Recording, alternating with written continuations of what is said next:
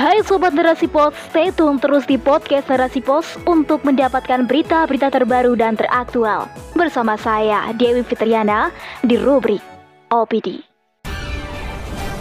Maraknya Islamofobia, umat butuh penjaga, oleh Hesti Andira.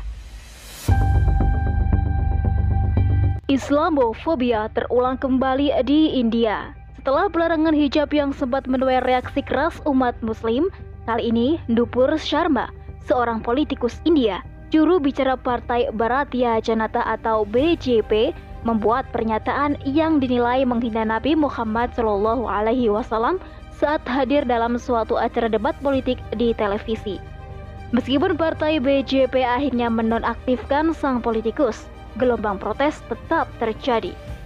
Ini bukan penghinaan pertama yang ditunjukkan kepada sosok panutan umat Islam.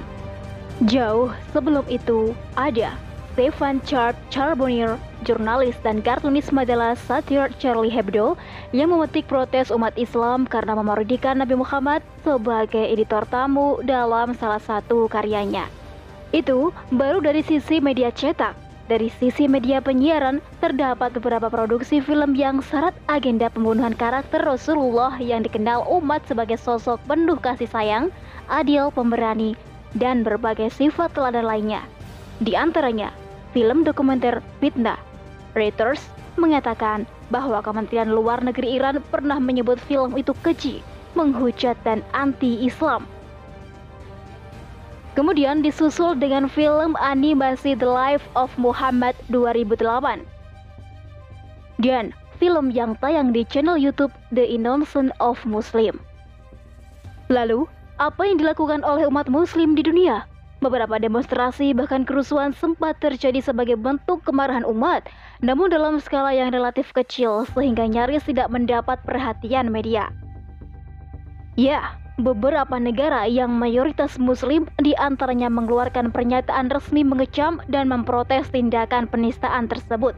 Hanya sebatas itu. Tindakan lebih jauh tidak lebih dari pemboikotan produk dari negara si penghina Nabi berasal. Itu pun hanya dilakukan segelintir negara. Pada kasus India ini, hanya Kuwait, Arab Saudi, dan Bahrain yang mengambil tindakan tegas menurunkan semua barang produksi India dari supermarket dan pasar di seluruh wilayah. Jika kita mundur sekitar 130 tahun yang lalu, Sultan Abdul Hamid II dengan tegas menghentikan sebuah pertunjukan opera berjudul Mahomet 1888 yang digagas oleh Henry de Bornier, seorang penyair asal Perancis. Saat itu duta besar Turki untuk Perancis mendapati drama itu sebagai penghinaan di mana Nabi Muhammad dikisahkan melakukan bunuh diri karena seorang wanita dan memiliki perasaan rendah diri atas agama Kristen.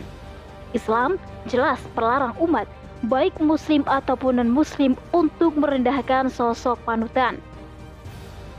Hal ini dijelaskan secara detail oleh Al-Alamah Al-Qadiyat dalam kitab Asy-Syifa bi Ta'rif Hukuk Al-Mustafa Sallallahu Alaihi Wasallam Al-Qadiyat menegaskan, Ketahuilah, semoga kita diberi hidayah taufik bahwa siapa pun yang menista Nabi Shallallahu Alaihi Wasallam, menghina beliau atau menganggap beliau tidak sempurna pada diri, nasab dan agama beliau, atau di antara akhlak beliau, atau menandingi beliau, atau menyerupakan beliau dengan sesuatu untuk menistakan beliau, atau meremehkan beliau, atau merendahkan kedudukan beliau, atau menjatuhkan beliau, atau menghinakan beliau, maka ia termasuk orang yang menista beliau.